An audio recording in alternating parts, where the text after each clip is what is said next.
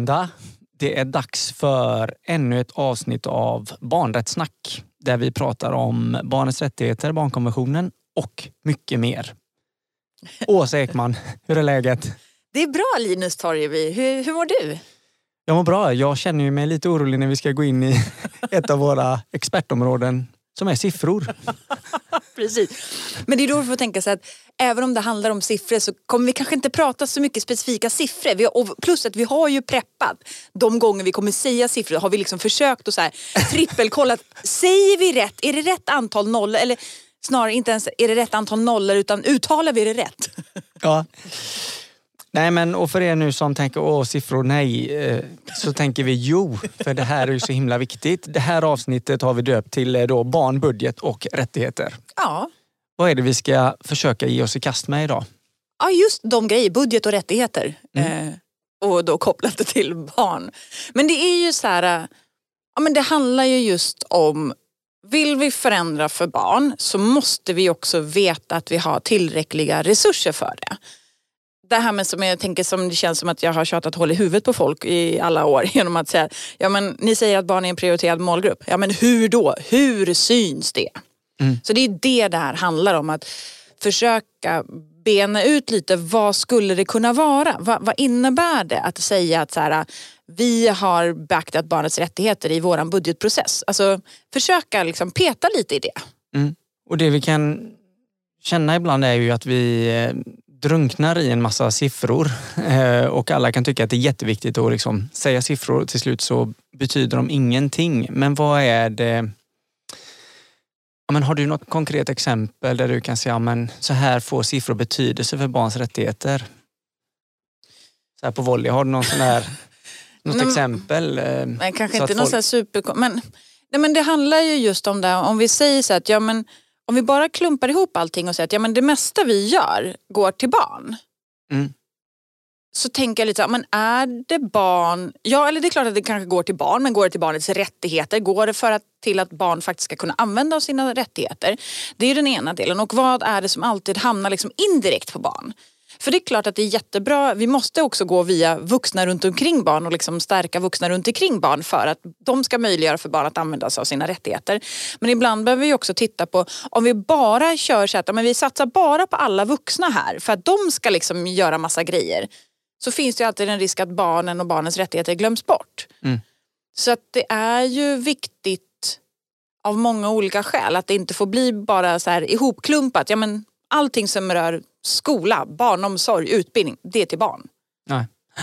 Alltså lite så tänker jag, eller var det flummigt? Nej men jag, jag håller med för det kan ju vara ett svar som som vi kan få i att amen, eh, vi jobbar redan med barnkonventionen för vi har eh, skolor och mm. barnomsorg mm. eller vad det nu är. Ja. Och det är ju inte likhetstecken med att jobba med barns rättigheter. Det finns ju ofta där som en komponent men det är inte säkert att det tar jättemycket utrymme eller syns eller sådär. Nej, nej men eh. precis.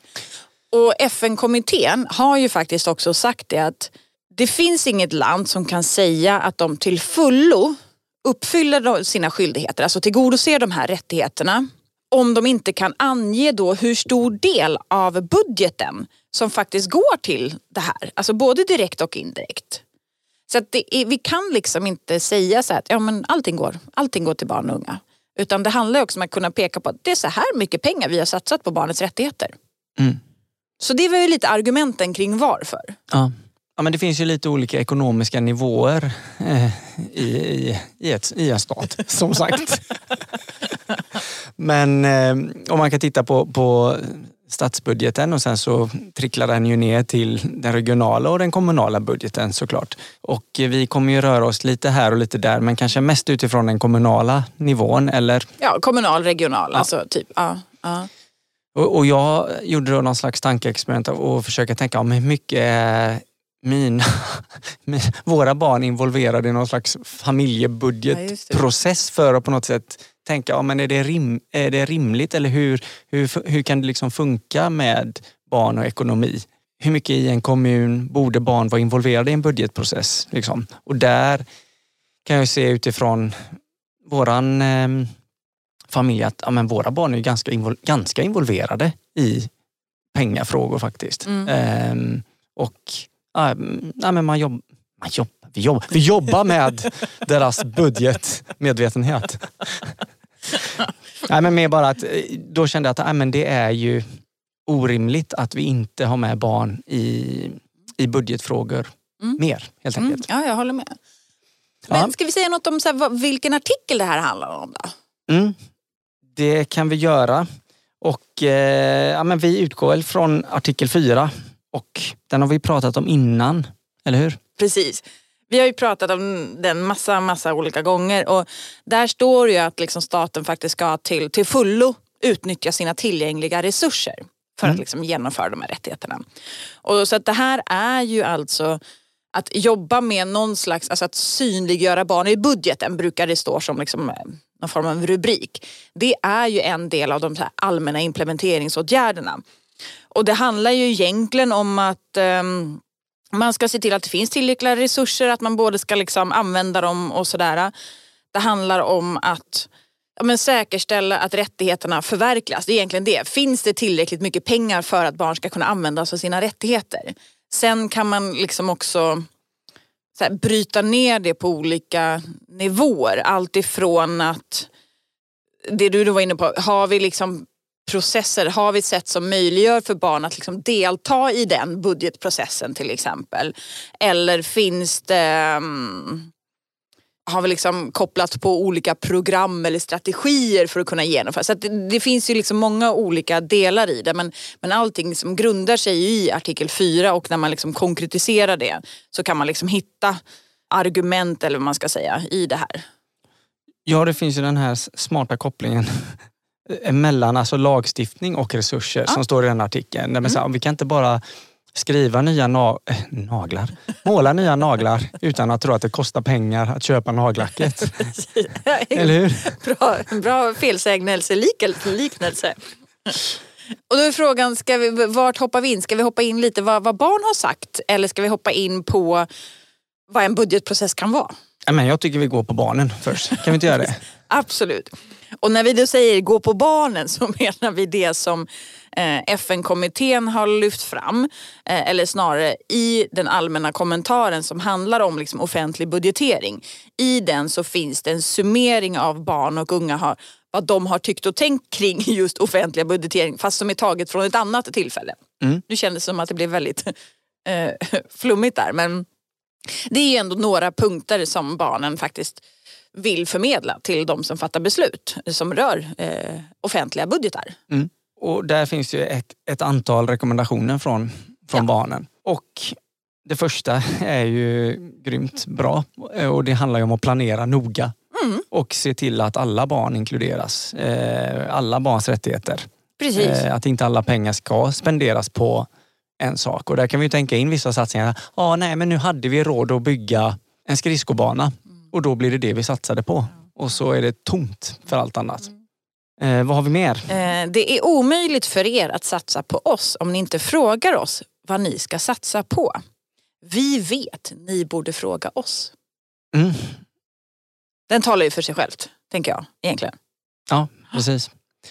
Och där kan man ju verkligen ifrågasätta hur, vilket inflöde av barns tankar som finns i olika budgetprocesser och visions ja. och strategidokument och det som också är då kopplat till budget. Mm. Kanske inte jätteofta Nej. vi hittar det. Glöm inte att ta med barn med särskilda behov i era budgetar. Mm. Och sen kommer lite, den först, lite som den första med planera noga men också, också att spendera pengarna på ett både rättvist och liksom klokt sätt. Att det ska vara sånt som faktiskt gör nytta. Att vi ska liksom veta att det är effektivt. Eller det som kanske så här, vissa kommunpersoner som skulle säga, eller också regionpersoner, så här, det som man brukar säga, typ god förvaltning. Mm. Typ. Mm. Att satsa på barn är en långsiktig investering, säger de här barnen. Och det är stor avkastning, så kom ihåg att tänka på det. Mm. Och sen också att, ja, men att genom att satsa på familjer så satsar man ju faktiskt också på barn och unga på ett sätt. Lite det här vi pratade om, att liksom direkt och indirekt, att det är ju viktigt att satsa på familjerna också. Mm. Se till att det inte finns någon korruption. Ja, sen var det lite det att återkommer det här då liksom att alla medborgares rättigheter, att det handlar både om unga och gamla och lyssna till, lyssna till personer eh, helt enkelt. Inte bara barn utan eh, lyssna till fler.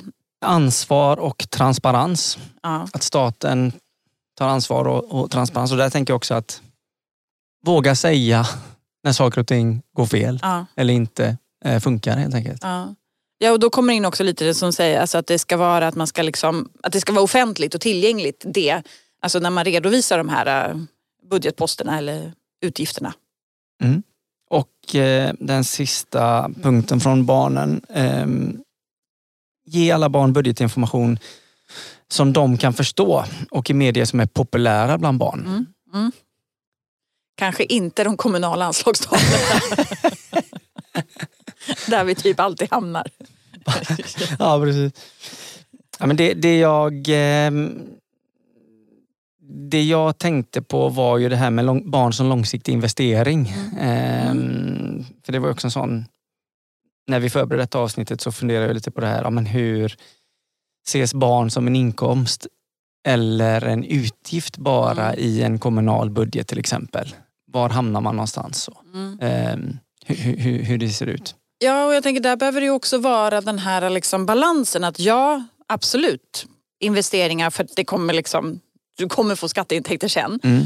Men samtidigt så finns det alltid en risk att när vi liksom tittar på det här liksom långsiktiga perspektivet eller liksom investeringsperspektivet att vi glömmer bort att barn är faktiskt rättighetsinnehavare här och nu. Mm, mm. Att det liksom måste finnas en balans i det. Att vi kan inte bara fokusera på framtiden utan vi måste fokusera på det som är idag. Men har, tycker du att det här handlar om politik, alltså den här fyraårspolitiken eller handlar det mer om att man har inte tillräckligt stor förmåga att se barnen här och nu och som en långsiktig investering? Bra fråga. Det kanske är lite både och, eller? Eller ja. vad tänker du? Jag tror att man kan gömma sig bakom att det handlar om politik. Sen kanske det skiljer sig mellan ehm, stat och kommun i det här fallet. Ibland att eh, ja, men staten, där är det tydligare finns det kanske en tydligare prägling av politik i regeringens budget än det finns i den kommunala budgeten. Kan jag tänka ibland. Ja och vi kanske då behöver säga någonting när vi säger så offentlig budget. För det är så lätt, alltså pengarna är ju en del. När man, men när, när vi liksom pratar, eller när personer pratar om budget, alltså typ den regionala budgetprocessen eller kommunala budgetprocessen så är det ju, brukar man ju kunna dela upp den i typ fyra delar. Den ena delen som handlar om liksom när man planerar. Alltså du har något slags underlag och sen är det som innebär det själva liksom textmässigt, det som du beskriver, typ som du nämnde innan de här kanske då prioriterade mål. Sen har du ju när du liksom sen då ska liksom pytsa ut pengarna, mm. liksom, de här budgetposterna. Och sen också någon slags uppföljning eller utvärdering. Så det är de delarna man brukar prata om när vi pratar om en, liksom en budgetprocess. Och då gäller det att barnets rättigheter finns med i alla de delarna. Idag tycker jag att det finns ju ändå ganska många kommuner som plockar med det framförallt i de här liksom skrivningarna. Mm. Att där kan man hitta liksom olika formuleringar. Men sen vad vi hittar i själva pengarna och sen i uppföljningen. Och jag vet faktiskt inte hur, hur ofta man använder sig i liksom, planeringsunderlagen. Hur mycket till exempel om barns levnadsvillkor Alltså hur det ligger till grund för prioriteringarna, alltså hur man gör det. Jag tror att det på många sätt liksom, diskussionerna förs, men frågan är hur. Mm. Nej, och i skrivningarna kan det också finnas barns livsvillkor i den aktuella kommunen eller mm. prioritera om, områden som att vi vill uppnå um, högre behörighet inför gymnasieskolan eller vad det är. Men kopplingen till rättigheterna Precis. Och sen då i sin tur till ekonomin som du sa. Den är inte alltid lika tydlig. Nej. Men här kan man ju gå in i din kommuns, hemkommuns eller där du bor nu ehm, och kolla på en budget, alltså kommande budget. Och det kan vara, man kan ha ettårsbudgetar men sen kan man också även ha en lite långsiktigare budget också och se ja, men hur, står, hur, hur mycket siffror och text berör barns rättigheter. Vi har försökt kolla nu här och som du säger, ja, visst det kan stå med lite granna men det är inte alltid så tydligt så. Nej, och det som om vi tar liksom, till exempel den planeringsdelen, om vi börjar där så tänker jag att Ja, men dels så här, vad har vi för underlag i, i vår organisation där, där vi har kunskap om hur barn har det? Det, tänker jag, det måste ju vara en förutsättning för att kunna lägga en bra budget så måste vi veta hur barn har det. Vi måste veta till exempel Ja, vi kan titta på liksom barn som lever i familjer liksom, kring barnfattigdom eller ekonomisk utsatthet. Vi kanske måste veta hur många barn det är som inte tar del av olika typer av kultur och fritidsaktiviteter eller hur många barn som eh, går ur skolan utan liksom godkända betyg. Alltså vi måste ju ha de här kunskaperna och måste ju veta för att det sen ska kunna ligga till grund för vilka barn är det som står längst ifrån sina rättigheter. Vad är det vi ska prioritera? Mm. Så om man tänker sig, man kan ju utgå ifrån kanske så diskrimineringsgrunderna. Barnkonventionens diskrimineringsgrunder skulle kunna vara ett sätt att liksom spesa det. Och det andra är att liksom, ja, men titta på vad är det vi har? Vad är det för grejer vi har att jobba med? Liksom? Mm. Det tänker jag är superviktigt i liksom planeringsdelen. Mm. Och sen, ja, ja men det här med skrivningarna har vi pratat lite om. Men jag tänker vi kanske, jag vet inte om vi ska ta något exempel nu eller något exempel. För jag tycker här är väl kanske det vanligaste att kommuner ändå petar in grejer. Mm. För att det som är intressant är ju också att titta på den kommunala budgeten och se men hur stora puss, äh, tårtbitar går till verksamheter som på något sätt jobbar med barn eller för mm. barn eller tillsammans mm. med barn. Och där är ju ganska stora poster faktiskt just till, till, till barn. Ja, för nu är du inne på, inne på just den delen, liksom så här, fördelningen av pengarna. Mm. Eller liksom så. Mm. Och då tänker jag att det, det jag kanske saknar som jag kanske inte bara det att jag kanske inte har tillräcklig insyn i de här kommunala liksom, planeringsprocesserna eller regionala. Men det jag saknar många gånger är kopplingen mellan skrivningarna och fördelningen av pengarna. Mm. Det vill säga att om man skriver att barnets rättigheter är prioriterat eller vi ska fokusera att man har något område som är det. Vart ser jag också kopplingen i pengarna sen i fördelningen? Mm. Den, alltså jag hittar kanske inte så ofta den sammanlänkningen utan då skriver man på som vanligt bara att man har sagt att det är prioriterat eller att det är en grej. Men det kanske inte är tydligt kopplade resurser till den. Och det jag tänker där också är att vi behöver titta på resurserna där Alltså jag vet inte om det här är rätt eller om det bara är min hjärna som tycker att det här låter rätt. men, eh, ja, men kanske tre delar. Ja, men det ena handlar liksom så implementering, om det är liksom typ ett styrdokument, alltså hela förankringen och få det att funka. Alltså, det är liksom en del. Vi behöver också ha, se till att ha pengar för någon form av så kunskapsutveckling eller kunskapsförmedling kring rättigheterna. Men det behöver liksom vara någon form av fortlöpande. Men vi behöver också ha, liksom, pinpointa pengar eller resurser för alltså, verksamhetsutveckling. Mm, mm. Vi kan ju liksom inte stanna bara kring så här, implementering, ja, nu var det klart. Utan det handlar om att det här är liksom en verksamhetsutveckling. Så att jag tänker, men jag vet inte, det är bara min hjärna som tycker att de tre delarna låter bra. Nej men jag, jag tycker det låter bra för att jag tror att man ofta gör ett ganska bra jobb i första steget. Mm. att, mm. att ja, men nu ska vi göra detta och så gör man en bra grund och så sen så fortsätter man inte med uppföljningen och ser ja, men hur utvecklas detta. Alltså, vi kan säga att vi vill, vi vill jobba med ett utökat stöd för de elever som behöver eh, stöd för att klara sin skolgång till exempel. Och så blir det mer av en intern fördelningspolitik. Eller eh, eh, intern fördelning, man, man liksom följer inte det spåret hela vägen ut. Och, och ser inte ja, men hur mycket pengar la vi på detta? Vad var det som saknades? Vad var det vi inte kunde göra som vi hade velat göra mm, i en mm. sån liksom, eh, fortsatt process? Så. Mm. Ja, men och där tänker jag också lite som du säger att det är viktigt att ha med sig alltså i också fördelningen av resurser. Alltså, hur har det gått innan? Har det inte gått? Liksom? Eller har det stannat av? Alltså, då mm, behöver det kanske, mm. behöver man ju titta på det. Um, så ja. Och sen tänker jag den här sista delen blir då liksom, ja, men själva uppföljningen. Ja, men hur vet vi att det också då har blivit bättre för barn? Tycker barn själva att det här har funkat? Har vi liksom gjort rätt saker? Är det så att fler barn kan använda sig av sina rättigheter? Har de här pengarna liksom gått till rätt grejer så att det också faktiskt har gjort skillnad för barn? Sen är det svinsvårt att mäta många gånger. Men ja. Ja, nej men och, och där tänker jag igen att ha med barn i hela processen på något sätt. Mm. Um, och där blir det ofta också att man kanske har med barn i en inledande del men man har inte barn med i ja. båten i hela processen och då blir det också så här svårt att, oh just nu får vi gå tillbaka efter två år och fråga de här barnen, okej okay, men hur var det? Mm. Ja men då kanske inte de barnen alls är intresserade av den här frågan längre utan då har de en helt annan fråga i fokus eller sådär.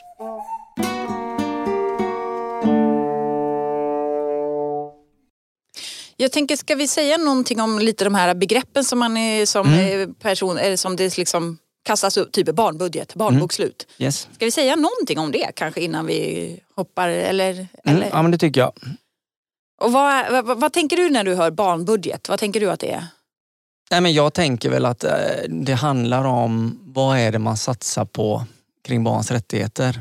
Och det jag skulle vilja se är ju den tydliga kopplingen till rättigheterna så att man inte bara landar i eh, det som du sa, men de här pengarna går till verksamhet där barn finns. Mm. Eh, utan att det finns en tydligare koppling till ja, men barns del i det. Mm. Eh, och där kan man titta på och ibland kan det vara bra att fokusera var är det barn går, till exempel i en samhällsbyggnadsbudget. Till exempel. Hur ska vi utveckla, eh, vilka satsningar ska vi göra i en kommun på vägarna, trottoarerna, cykelbanorna och så vidare. Och titta på, men, ja, men vi satsade på eh, den stora ringleden för att biltrafiken ska kunna gå snabbare och så sen så struntade vi i transporterna till skolan eller till idrottsanläggningar. Så det är klart att där skulle man också kunna göra en mätning på men var rör sig barn och, och så vidare.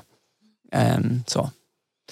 Vad tänker du med barnbudget? Ja, men det jag tänker väl kanske är både att begreppet gör, alltså när man säger barnbudget, så tänker en kanske att ja, men då har det grejer som har med barn att göra.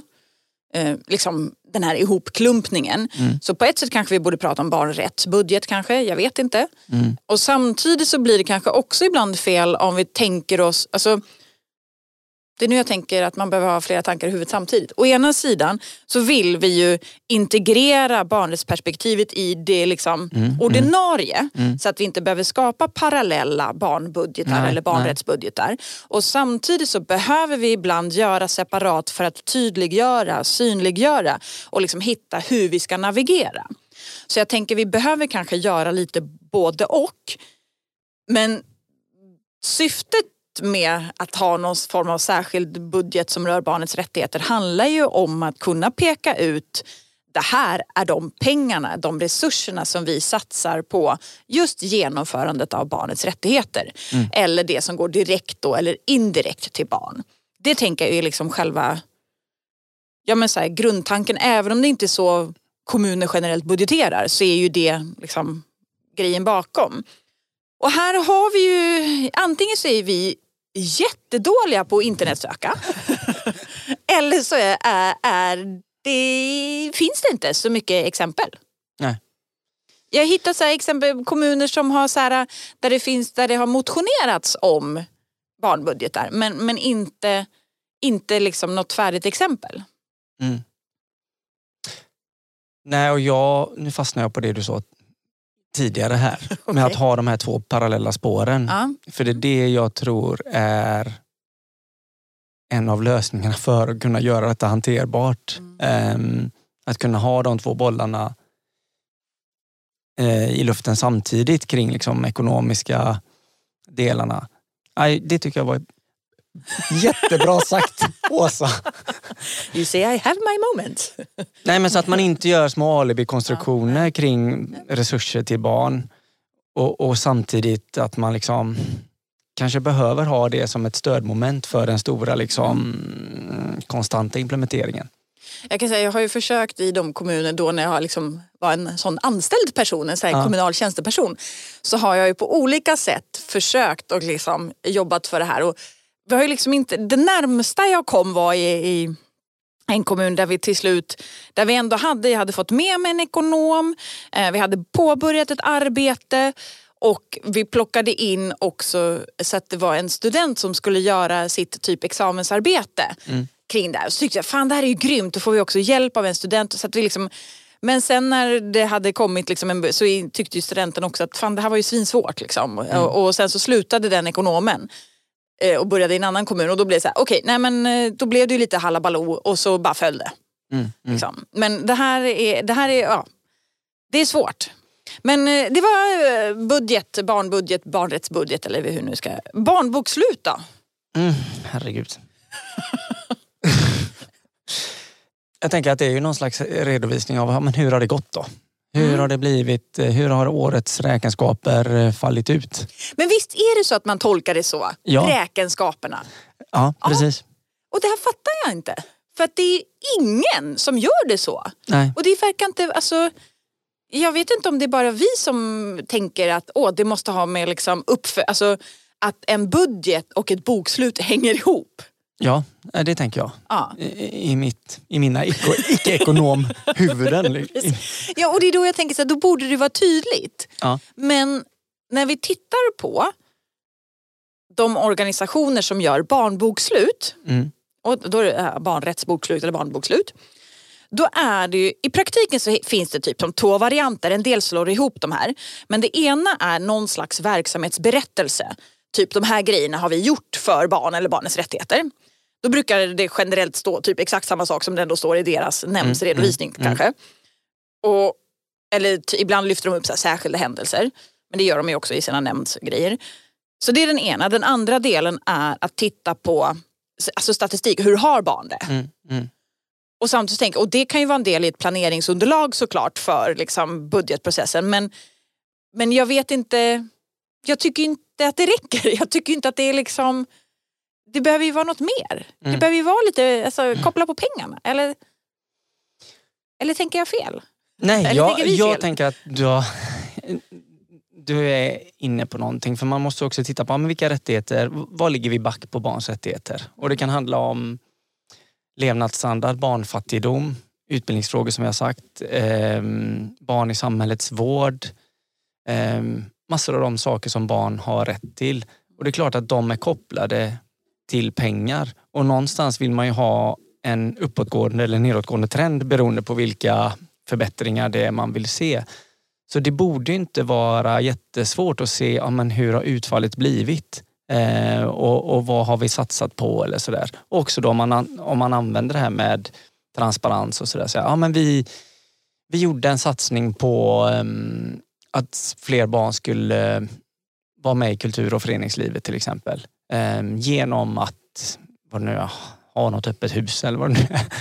och det gav ingenting. För vi ser inte att medlems uh, siffrorna har gått upp någonting. Mm. Vad gjorde vi för fel? Alltså, jag tycker att, precis som du säger, att man borde kunna se pengar och resultat kopplade till barn, barns rätt, rättigheter och mm. eh, man borde kunna följa de linjerna ganska tydligt. Ja, sen är det klart, vissa grejer är ju svinsvårt att mäta. Jag kommer alltså, jag har ju då som, som sagt som anställd så jobbade jag i en kommun där eller ja, det togs en massa beslut innan jag började jobba där. Mm. Eh, om, till exempel om barnbokslut där det var liksom en lång lista på grejer som skulle ingå i det här barnbokslutet. Ingenting om pengarna.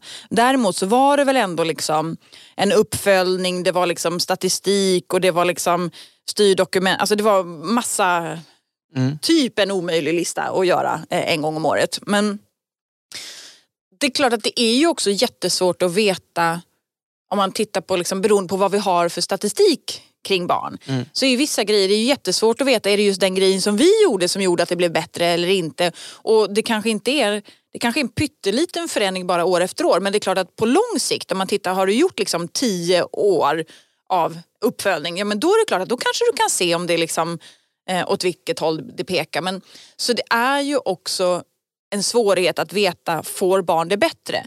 Mm. Det, måste, det är ju lättare att peka på, nu har du mer eller mindre budget. Mm, mm. Alltså det tänker jag är ju ändå lite enklare. Men, mm. ja. ja men det här är ju... Um... Nej och sen tänker jag också att ibland hamnar man ju lite ensam i ett barnrättsarbete på något sätt. Så att man har inte det teamet av personer för att kunna följa alla de här delarna. Ehm, man kanske inte alltid har kommunens eller organisationens eller vilka det nu är, vad man nu är, ekonomerna med sig i det här systemet från början. Vilket gör att man kanske undviker att jobba med siffrorna för man känner att ja, men det där är skitsamma, vi, vi klarar inte av det här med indikatorer och kriterier utan nu, nu utbildar vi 20 pers här och de kan mer om, om barnkonventionen, punkt slut. Och så släpper man det vid det. Man orkar inte och klarar inte av att gå hela vägen in i ekonomin. För man är också kanske rädd för att resultatet inte har blivit så sen, bra. Precis, eller? Ja, ja det, och sen tänker jag plus att det finns ju typ miljarder olika grejer som de som jobbar som controllers och liksom ekonomer som de pysslar med som typ vi aldrig kommer fatta i alla fall. så, att, så att det finns, alltså, på samma sätt som allt är komplext så är det klart att de har ju svinsvåra uppgifter också. Eller så. Mm. Men apropå, kan vi inte, kan vi inte ta lite, alltså, vi, du och jag gick ju ändå in och kollade liksom, Sverige, alltså budgetproppen för 2022. Mm. Sveriges barnrättsbudget. ja precis, är det en barnrättsbudget eller inte? Det var väl lite det som var... Ja. Men Nej, men ska vi sätta det i någon slags kontext också med att det har varit en diskussion mellan Barnrättskommittén mm. och Sverige kring, okej okay, men hur tydliga, hur mycket syns barn i Sveriges budget? Mm. Eh, är budgeten barnrätts... Eh, vad kallar de det nu igen? Typ barnrättsbaserad. Barnrättsbaserad. Eh, och hur tydliggörs det? Mm. Och då så har man haft någon slags dialog med att det syns inte så tydligt och Sverige svarade att jo men det är fördelat över flera olika delar. Typ barn ingår i allt? Ja. Alltså lite den? Ja, lite eh, så. Lite. Barn finns med överallt. Mm. Men det är ju om man tittar liksom det finns ju typ sjukt många olika budget eller utgiftsområden, inte budgetposter utan utgiftsområden. Mm. Och eh, då är det ju två som känns spontant, eller det finns ju jätte, alla är typ relevanta på ett sätt men nu har vi, har vi valt ut för vi tänkte att vi går inte igenom hela liksom, budgetproppen. Eh, ett område då, eh, utgiftsområdet demokratipolitik och mänskliga rättigheter. Den är då utgiftsområde 1.6 och sen så har vi utgiftsområde 9.5 som handlar om hälsovård, sjukvård och social omsorg. Och då är det ju lite intressant att barnrättsfrågorna inte hamnar under demokrati och mänskliga rättigheter. Utan att det handlar om hälsovård, sjukvård och social omsorg. Mm. Beror det på departement och vem som är ansvarig minister och sådana grejer? Eller? Ja, men, sam, ja och, men den har ju legat där innan också. Och jag mm. vet faktiskt, vi kanske borde ha kollat när det låg på eh, arbetsmarknad och sådär också om de flyttade runt dem då. Ja. Men, men det är ändå intressant generellt att man inte tycker att barnets rättigheter är mänskliga rättigheter. Nej. Eller det kanske man tycker men man tycker såhär, åh nu har vi det på två ställen. Jag vet inte, jag tror inte det men jag tänker om vi ska vara snälla.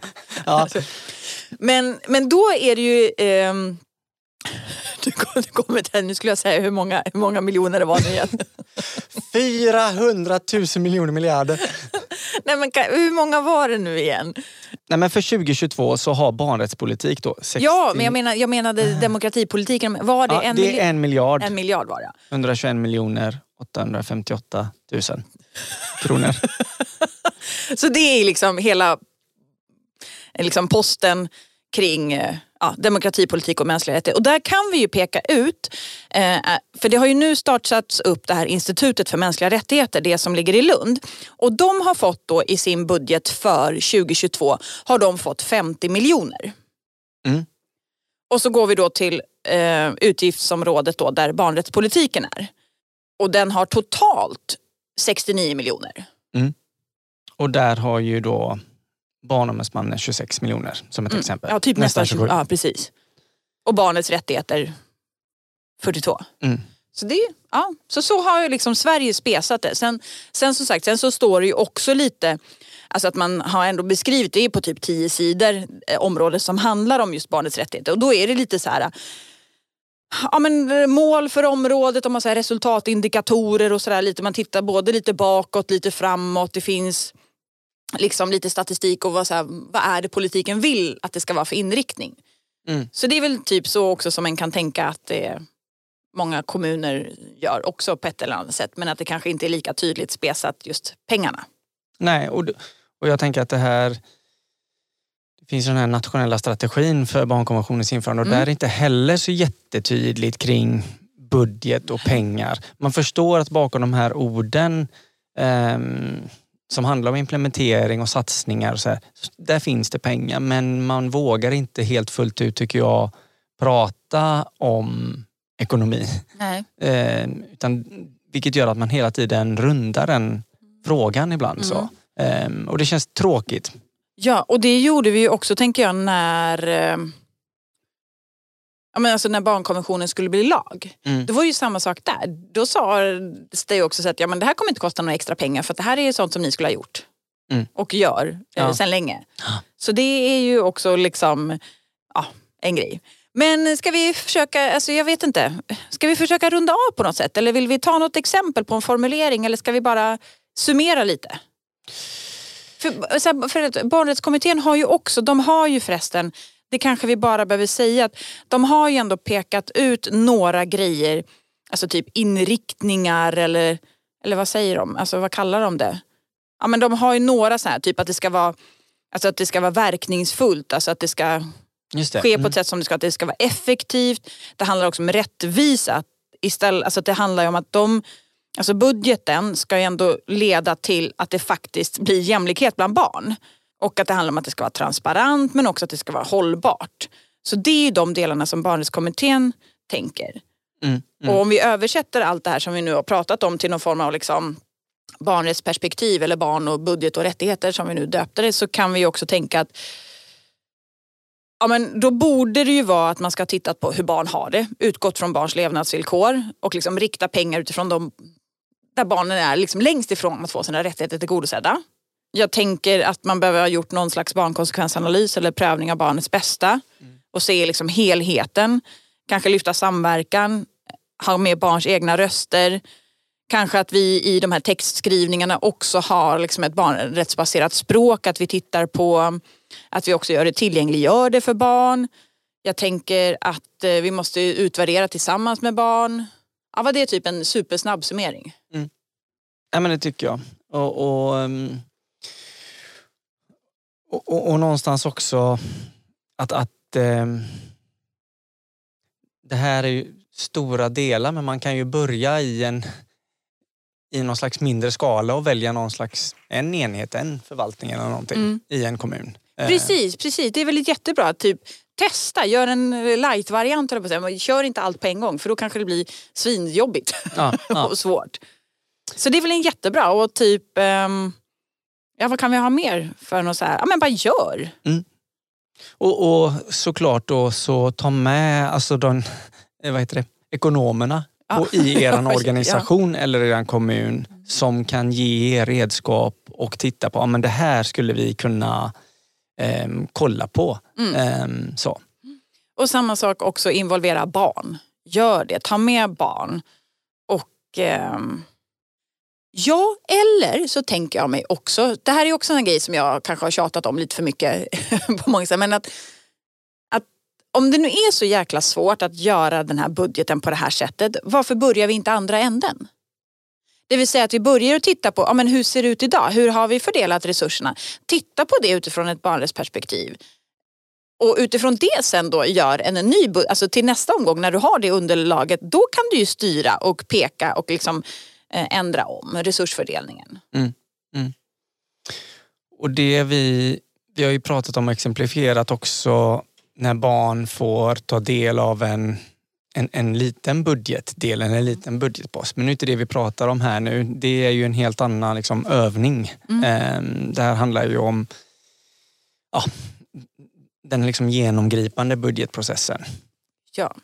Och om man då vill veta mer om de här grejerna och liksom kanske lite mer konkret hur en kommun kan jobba så är det ju nästa vecka ni ska lyssna på oss igen. Då har vi gäster med oss. Just det, för haha, ni kanske trodde att vi var helt vilse i pannkakan, men det är vi inte. Utan vi är ju så eh, snälla. vi, vi har ju tänkt på detta och du har ju varit med i en process med en ja. eh, förvaltning som har jobbat med den här frågan. Eh, och du sådde ju lite frön men sen så var det ju några andra, en ekonomichef bland annat, som plockade upp det här. Mm. Ehm, så lyssna på nästa veckas avsnitt. Då kommer vi gräva ett snäpp djupare i detta. Ja. Och fram till dess så säger vi håll i pengarna. inte. Nej! Håll inte i pengarna. Ge... Show me the money. Show me the money. Tack för idag. Tack. hej. hej, hej.